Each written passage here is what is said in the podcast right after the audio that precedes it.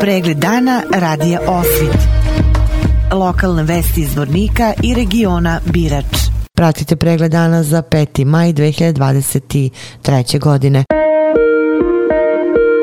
Povodom dana žalosti zastave na zgradi gradske uprave u Zvorniku, institucijama i javnim ustanovama u gradu spuštene su na pola koplja. U gostiteljskim objektima na javnim mestima ne emituje se muzika. Obaveza svih lokalnih medija sa područja grada Zvornika je da prilagode svoje programske sadržaje danu žalosti.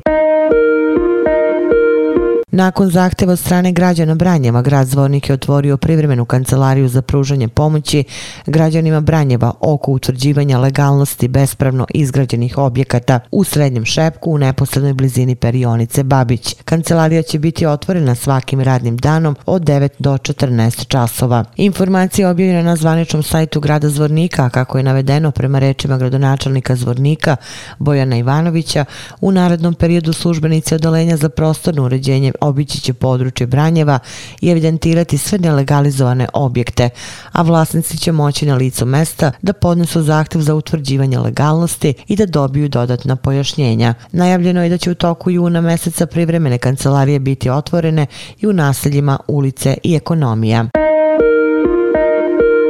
Regionalni sindikalni centar Zvornik i ove godine organizuje radničke sportske igre Zvornik 2023. Izvršni sekretar regionalnog sindikalnog centra Zvornik Zoran Milutinović. Danas smo imali sastanak prvi za organizaciju radničkih sportskih igara. Prema dogovoru od prošle godine pomjerili smo termin za da to bude kraj maja, početak juna. E, ove godine ćemo proširiti, to će biti 10 radnih dana će biti takmičenje. Igre će se održati od e, 22.5. do 2.6. Takmičimo se u malom futbolu futbalu, basketu, odbojka muška ženska, stoni tenis muški ženski, pikado muški ženski, e, šah i na kraju igara na zatvaranju imaćemo tradicionalno povlačenje konopca.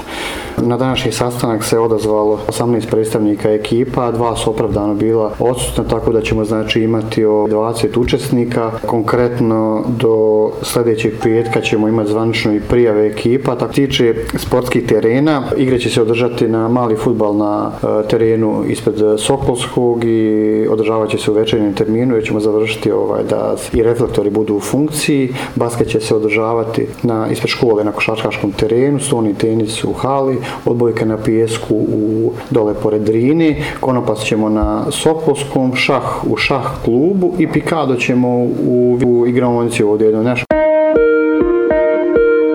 Sutra na stadionu futbolskog kluba Drina u Zvorniku po prvi put će biti održane inkluzivne igre bez granica sa početkom u 11 časova. Organizuju ih udruženje dece sa posebnim potrebama Dečija Nada Zvornik u saradnji sa Međunarodnim forumom solidarnosti MFS Emaus. Na igrama bez granica učestvovaće oko stotinu dece, ne samo iz Zvornika, nego iz šireg regiona uzrasta od 6 do 12 godina, dece tipičnog razvoja i dece sa posebnim potrebama.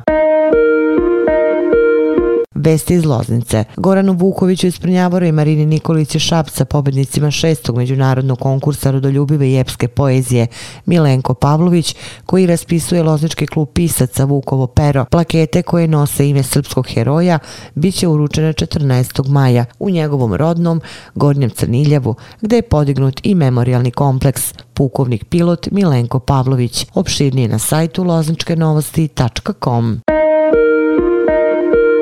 Pratili ste pregled dana za 5. maj 2023. godine. Hvala na pažnji. Pregled dana radija Osvit. Lokalne vesti iz Vornika i regiona Birač.